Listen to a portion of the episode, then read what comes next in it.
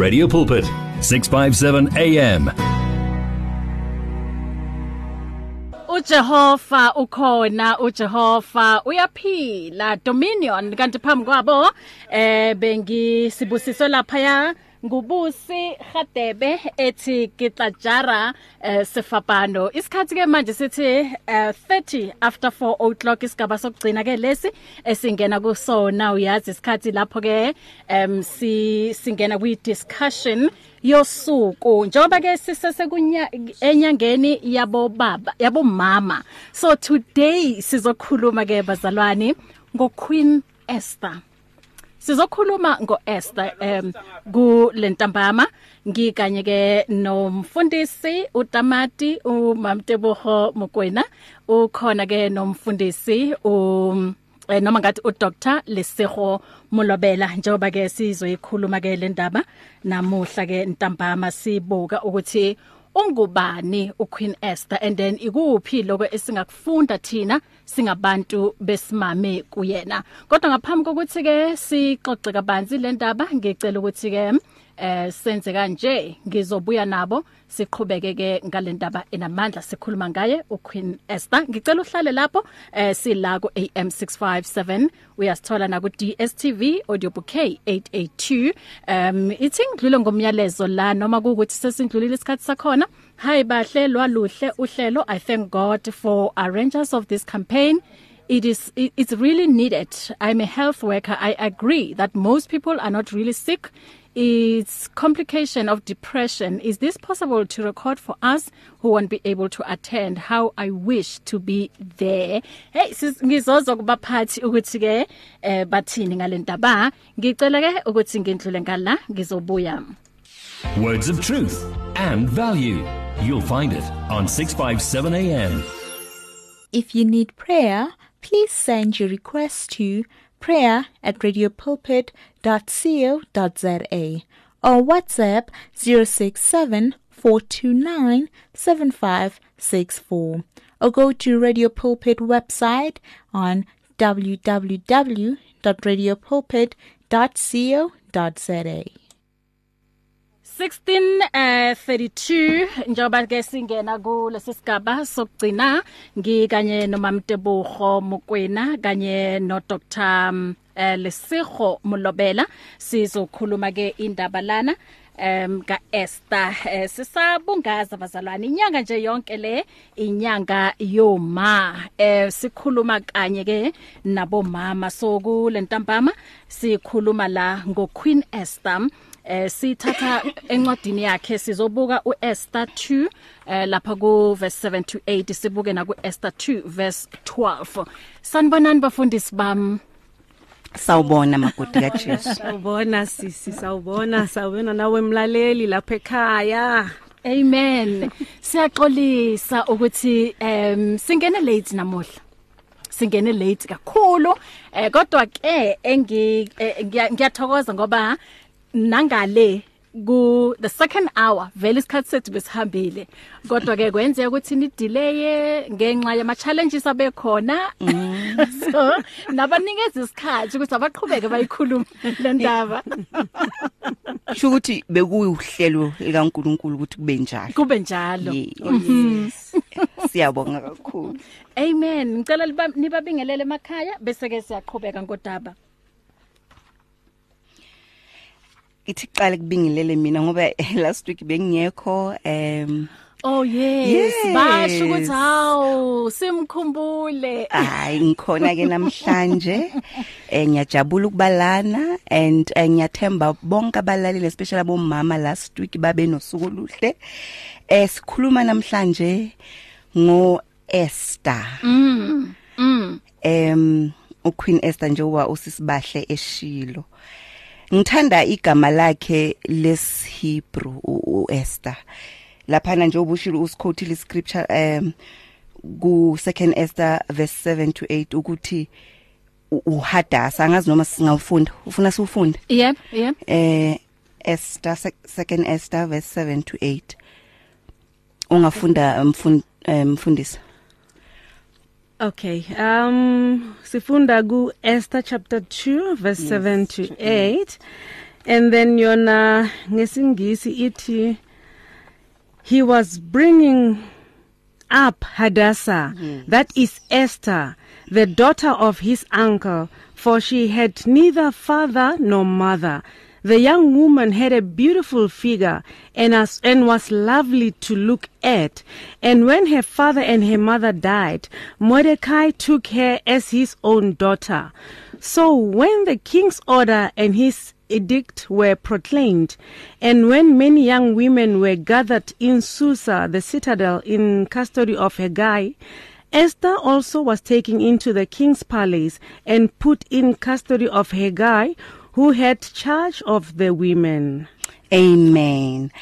into engifuna ukuthi sibheke la uyabona uEsther unamagama ayi2 amabili uHadassah igama lakhe lesihebrew elinye uEsther uNkulunkulu osiphe irevelation la ukuthi igama leli lithi Hadassah lisho ukuthini lisho ukuthi it's a tree ne a type of a tree mm. Or something that has the ability to grow futhi ingakwazi ukukhula mm. ibe nurtured mm. masibheka ibackground ka Esther mfundisi mm. iyasho iBhayibheli la njengoba sesifundile ukuthi she was an orphan so shuthi ibackground yakhe ayizange ibe kahle mm. but that did not prevent her from later becoming a what a queen, a queen yes. ephalesini mm. so uma si sijika lento siletha kithi singabomama eh ukuthi our background should not determine our future. Kumele si sibe nethemba eh and futhi sikholwa ukuthi uNkulunkulu angasiphakamisa kuleso simo e, esikuso. And um it's also important for us as women now not only as women to understand the anointing le uNkulunkulu asibeke ayibekile kuthina the anointing upon mm. our lives yeah. i believe uh, uHadassah had the anointing to grow like njengoba bese ngi explainile igama mm, lakhe mm. ngilichazile so akazange avumele ama circumstances wakhe ukuthi mina I'm just a nobody mm. um mm. I had no parents mm. mhlambe even because she had no parents she struggled throughout like there was a lot of brokenness. But when uncle wakhe lo emkhulisile uMordecai ethi nali thuba hamba uye nawe njengawo wonke ama ama amantombazane la uye mhlawumbe inkosi izokuchuza ukuthi nawe ube unkosikazi wayo. Akazange azibukele phansi athi no mm. i cannot do it. Mm. but she grabbed the opportunity and she moved forward ngayo so it is very important ukuthi singaba mama singamantombazana to know the anointing that is upon us and understand it mm. so that when opportunities come singazowamisa mm. and move forward with with it and not look down upon ourselves and say hey mina my background mina yeah. anginambazali mina eh ngikhuliswe umalume mina angiyanga esikolweni mm. we need when the opportunity comes siqhubeke ngayo and give glory to God ngayo. So la ku Esther kusho ukuthi siyabona um e, ekutheni i background doesn't determine your future. Oh yes. Yes. Nje kuyisimanga lesi. Ukuthi uEsther bokuyilo muntu anguye and nje ibackground yakhe singayibeka nje ukuthi beyibheda. Mm. kodwa azange kubukwe lokho and then ibackground yakhe azange imvimbele ukuthi agcine ayi queen. So uh, it's amazing um doctor. Yes it is amazing indeed. You know mama mawufunda iBible uthola ukuthi ulo uEsther like she comes from an ordinary family. Yeah. she was just an ordinary person. Yeah. You know and kakhulu uh, uh kukhona lento yokuthi um you know amakhosi kuzobheka ukuthi mhlambe makashada you choose a certain type of pe a person or maybe uh, abantu abanemali or abantu aba a, a certain type yabantu ne but ngibheka lana uEsther coming from an ordinary uh, uh, uh, family mm. akana bazali ukhuliswa umzala wakhe which is uMordecai manje uEsther she was so obedient because mm. naye ngabe nje uye wathi hayi mina you know yeah. mina i will never fit in lapho mm. akuhambe labayana mina I'm a nobody mus abazali bami babulawa you know uh, ngikhuliswa uwe umzala you are not even umuntu omdala well we don't know the age but akanabazali lo muntu lo and manje into engithanda ngayo ukuthi maseka laphayana akhethiwe uhambe nezinye intombi lapho she found favor emehlweni ka uHegai who was uh, uh, in charge of amantombazana Yes. ne? But then why athole leyo favor? It's because of the way bekaziphethe ngakhona. And uh, it shows ukuthi uNkulunkulu vele bekamgcobile lo mntwana. The anointing kaNkulunkulu beyiphezulu kwakhe regardless of isimo sakhe. Yeah. And then naye azange aluze iidentity. Sometimes we we we we allow ukuthi our identity siyithole ebantwini. Mm. so yena she didn't have that problem or that challenge ye identity crisis. Yeah.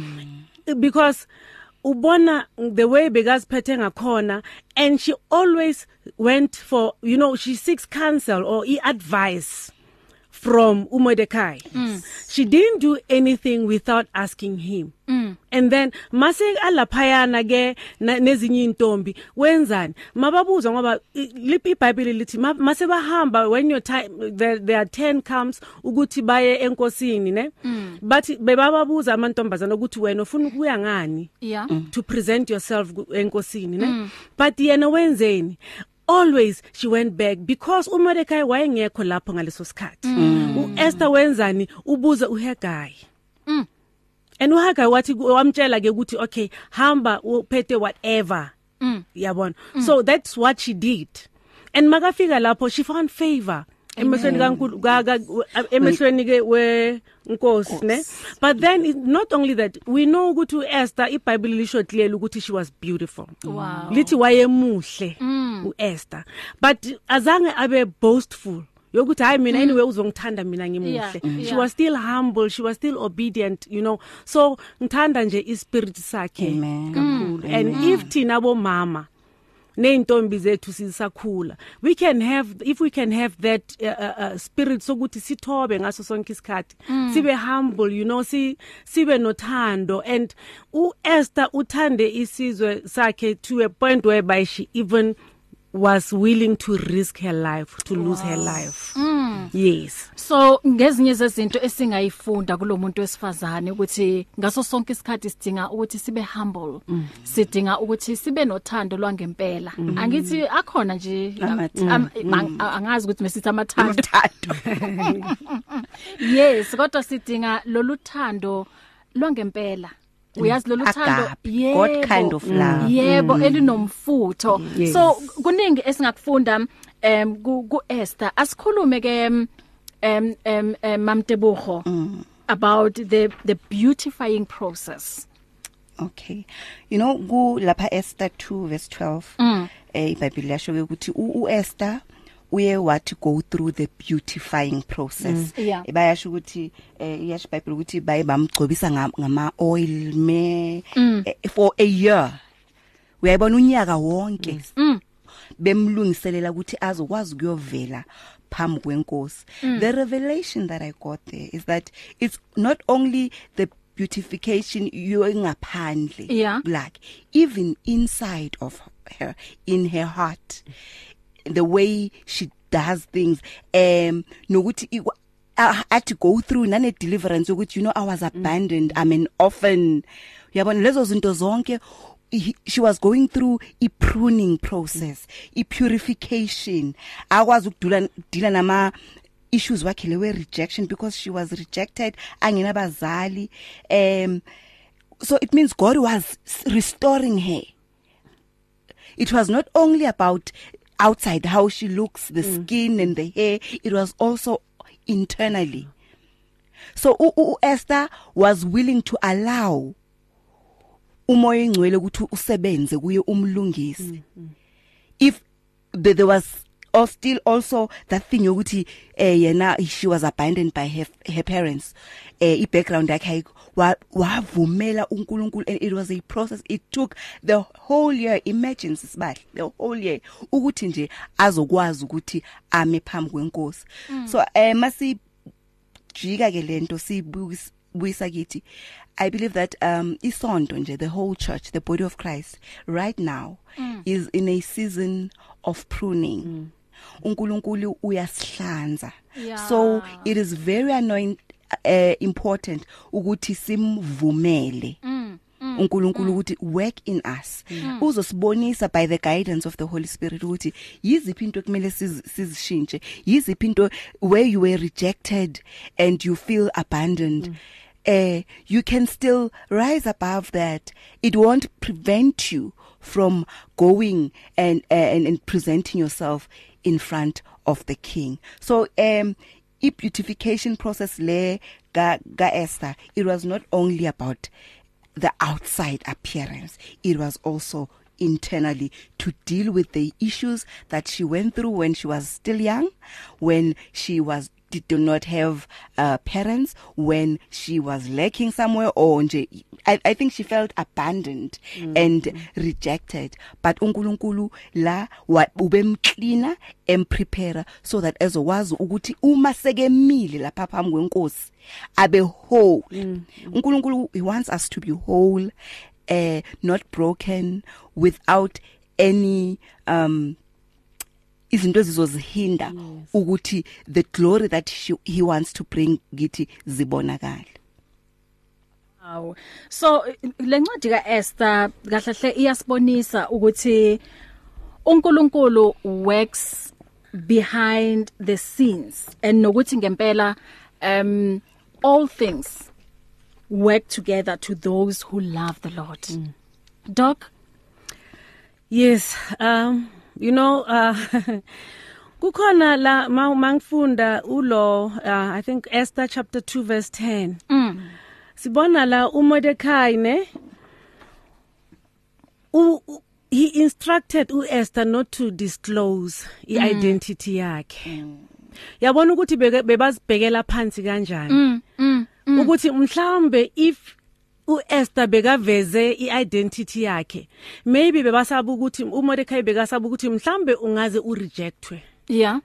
so please don't tell them ukuthi wena ungubani mm. so her identity her identity was withheld until at a later stage when they were in trouble mm. so ngibona lana u- u- uNkulunkulu ayenza izimanga ngoba a a- a- azange ngifu- akukhona a- like mangifunda lana angaze ngihlangane neverse ebonisa ukuthi uQueen Vashti uke wamdelela wayidelela inkosi. Mm. or wangayihonorish inkosi mm. ne? But because God has got his own plan and purpose ngeimpilo zethu kuvezwa nje just one mistake. Mm. yokuthi inkosi bekayenze ifeast lapho ujabulile so he wanted to show off ngomkakhe omuhle which is uQueen Vashti ne? But then yena she, i don't know ukuthi kanjani ngoba uyazi ukuthi inkosi mayikubiza uyaya Amen. and i'd like to believe ukuthi bangashatanga naye for 2 months whereby she doesn't know what needs to happen mm. remember even the preparation that the girls go through mm. for for for that 12 months those 12 months ne mm. they get prepared they are being taught hayi ukuthi baba prepare nje ngokubagcobisa ukuba grooma outside but bayabafundisa nokuthi you know mawi queen uziphatha kanje kanje kanje kanje ma you, you know mm. so i know ukuthi u queen Vashti definitely she knew ukuthi not honoring the word yenkosi Yeah. it's against the law Yes. and you're going to get into trouble Yes. but she refused anyway Mm. sometimes ungamblame uthi wayedelela but mina mangibheka irevelation ezakimi ukuthi uNkulunkulu wayene njongo ngempilo kaEsther Yeah. Yes. Yeah. so akusukuthi uVashti wayedelela u- udelele inkosi or u- Mm. umyeni wakhe but it's because uNkulunkulu wayehlelela uEsther ukuthi azoba the queen Yeah. lapho Mm. and not benga bengeke iphelele lapho Mm. because ithi iBhayibheli u- ulo uHaman uye waba promoted ne Mm. so u- manje bekafuna ukuthi bamkhothamele they must bow to him Mm. abantu mabambona. So uMordecai refused to bow to him ne? And manje ma- maka refuse so uHaman wakwata. Then manje yenzani? Ifaka sonke isizwe samaJuda Mm. e- engozini. To a point where baba mele babulawe bonke. And remember ukuthi uMordecai is part of them uEsther is part of them. Yeah. manje uNkulunkulu he had a purpose yokuthi asave even lesizwe lesi through uMordecai no Esther. So ah, bekungazi ukuthi abe the queen only but it was also ukuthi asindise isizwe leso. So uNkulunkulu wayelebele asebenza. uVashti yes singamblame but mina ize kimi the revelation that I got from this was no. uVashti yes, yes she was there for that time Yes. but uNkulunkulu wanted uEsther to be a queen so that isizwe sizosinda ngaye. Amen Mm, asithathe ikhefu eh, sizobuya emveni kwalokho Great news! Government has begun its rollout plan for the COVID-19 vaccinations. Persons over the age of 60 can register online by visiting vaccine.enroll.health.gov.za. Let's help each other to register for the vaccine and fight COVID-19. Vaccinate to save South Africa. A message from government.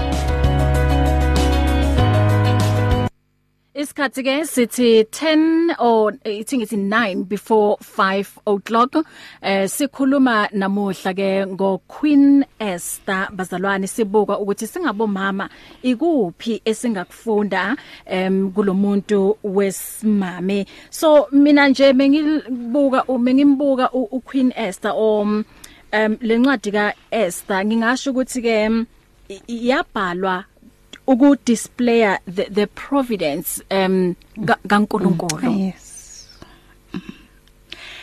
I believe so um ngoba asiqale la uNkulunkulu always works in in in times and seasons. Yeah. i i want to emphasize on what umfundisi ashilo ukuthi eh bekuyisikhathi sika Esther Yeah. ukuthi uNkulunkulu amphakamise ambeke i- in that position ukuthi azokwazi ukuthi ancedise not only become a, a queen Yeah. but also help in saving or delivering the Jewish nation mm. so um I'm also emphasizing on the point that ukuthi uVashni asim eh crucify kakhulu asim blame isikhathi sakhe epalace bese sisiphelile so it's also a restoration process kabani ka Esther because eqaleni uqale engekho right bekuyisizini yakhe yo ngaleso sikhathi engenabazali rejected right? But then the cha times change according to God's plan and purpose ukuthi aze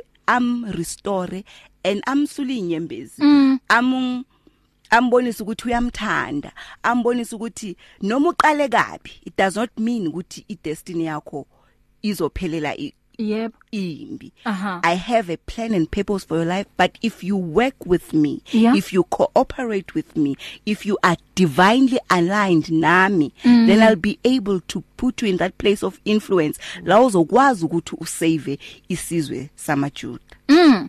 Em mhlambe lapha emakhaya bathanda ukufaka um u- uvo or bathanda ukuthi ba comment ngalolu daba unombuzo it is mhlambe simanikeze lo 5 minutes esinawo um 0123341322 0123341322 noma ungathumela ngeWhatsApp um nge voice note ku 082 6572729 um mhlambe na kukhona nje uthando uku- ukukufaka um kule ndaba ka Queen Esther 0123341322 eh doc ang- angazi ukuthi kule mizuzu esele mhlambe kukhona okunye um uthanda ukukusho ngaphambi kokuthi sivale All right. Yes, um mina ngithanda ukuthi um you know as abomama, ne? Ngoba we still celebrating abomama. Yebo. We do have that influence, right? Mm. uNkulunkulu uyifakile kithi le. Yeah. Mm. And angeke ijike. Yeah. Yohlala injalo. Ukuthi we do have that that that influence. Yeah. But let us not take this influence bese sisebenzisa ngendlela errong. Yebo. You know we have to have good influence, ne? Mm. You know u- uNkulunkulu usinikeze amandla. Yeah. We might not have like physical strength, but we have that power, that wisdom, you know. So u u- ulwa uEsther ngibona lana asebenzisa the wisdom to to to get u- inkosi to change his mind mm. and that was because she always inquired kuNkulunkulu you know ngithanda makathi akhuluma no athumela umlayezo kuMordekai ukuthi you know you want me to go ngiyokhuluma ngiye kunkosi ne ngiyokhuluma naye ngale ndaba ukuthi a change ama minds wakhe but asenze into eso.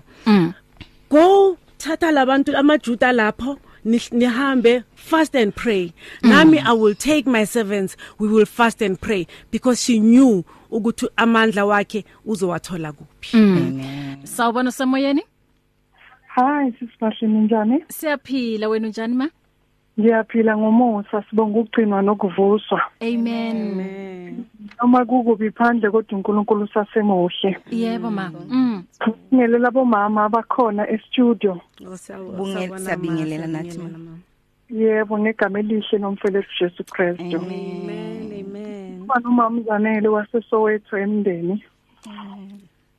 Eh bengithi angifakaze nami la ngoEsther. mm Kuthi abusiyabo mama si representa uEsther emhlabeni. Amen. asuthi ngoba uwumama umama wekhaya lakho kuphela. Umama wase next door umama wase back opposite umama wase front opposite umama we society le okuyo. Mm.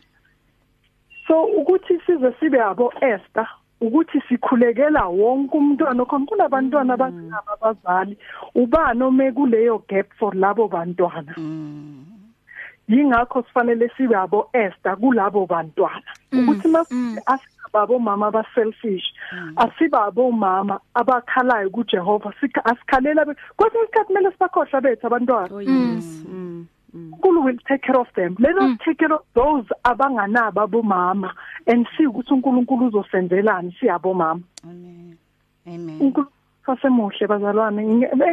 Bengiyokuthanda sisibahle ngiyaxolisa ukuphuma endleleni bengicela nje siphulekele labantwana abasamagama abo asewashintshiwe.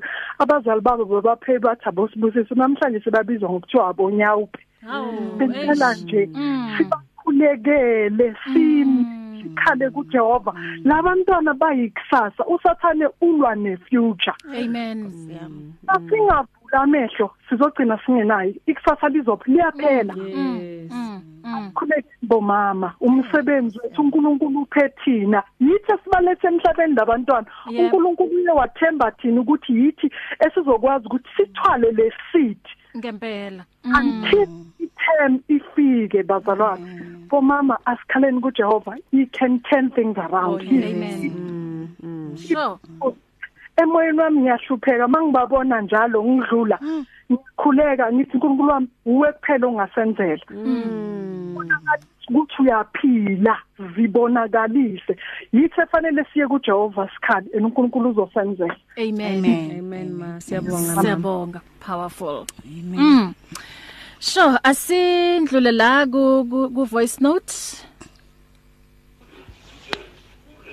Hi, my view is on Esther is that God has given some things to us for his glory in the later stage. Like uEsther, uEsther wayenikeze ubuhle because uNkulunkulu uyayazi ifuture yethu before thina sibuka. That beauty was for the purpose. It was not for upliftment of ourselves as we do today.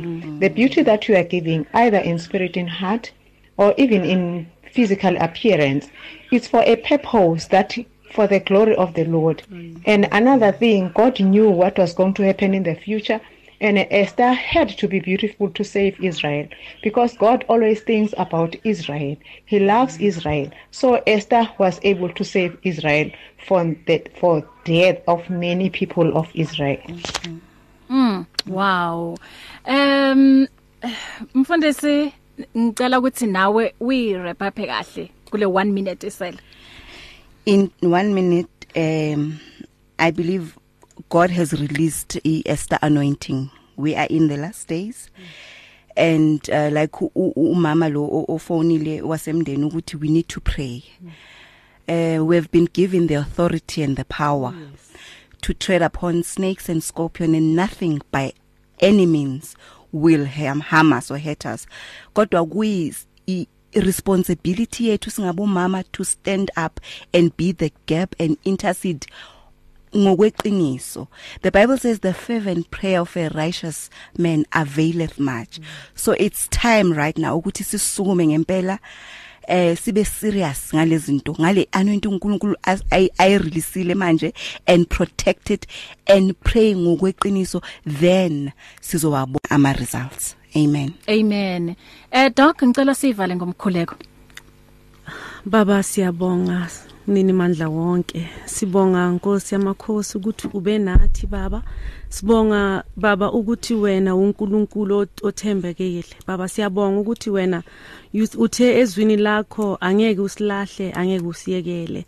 Sibonga mnini mandla wonke ukuthi wena baba ubathembile usithembile thina singabomama. I pray Father God that you touch each and every mother in the mighty name of Jesus. Release oh God your anointing upon us. I pray Lord God that you empower us with your wisdom, knowledge and understanding oh God of your word and let us live a life full of purpose. And Father, I thank you I give you the praise, the honor, and all adoration in Jesus' mighty name. Amen. Amen. amen and amen Eh ngicela inamba yakho masinya doc. Okay, inamba yami it's 068 060 3266. 068 060 3266. Eh mfundisi Tamati 079 093 5027 ngikhona na ku Instagram Mr Bogomokwena angikho eFacebook na ku Twitter. Hayi asibonaneni next week. Facebook. ah it's not that awu uPastor Ray Legodi uyeza njengoba selishayile lesihlanu ihora uzoqhubeka nawe until 7 o'clock. Mina nawe sisonke nakusasa kuseni 4 am until half 5 ngithi shalom. Shalom. One vision, one voice, one message. Radio Pulpit 657 AM and 729 Cape Pulpit, impacting lives from Gauteng to the Cape. Reach your customers in the car, at the office, at home, or wherever they are, night or day. Through advertising with Radio Pulpit, you can reach a large, unique, and loyal audience in a most affordable way. With over 500,000 people on our various platforms, from Gauteng to the Cape, you simply cannot go wrong. So advertise today. Contact us on 012 334 1339 or for advertising packages that we offer, go to www.radiopulpit.co.za. Terms and conditions apply. You and 657 AM and life, a winning team on the road to eternity.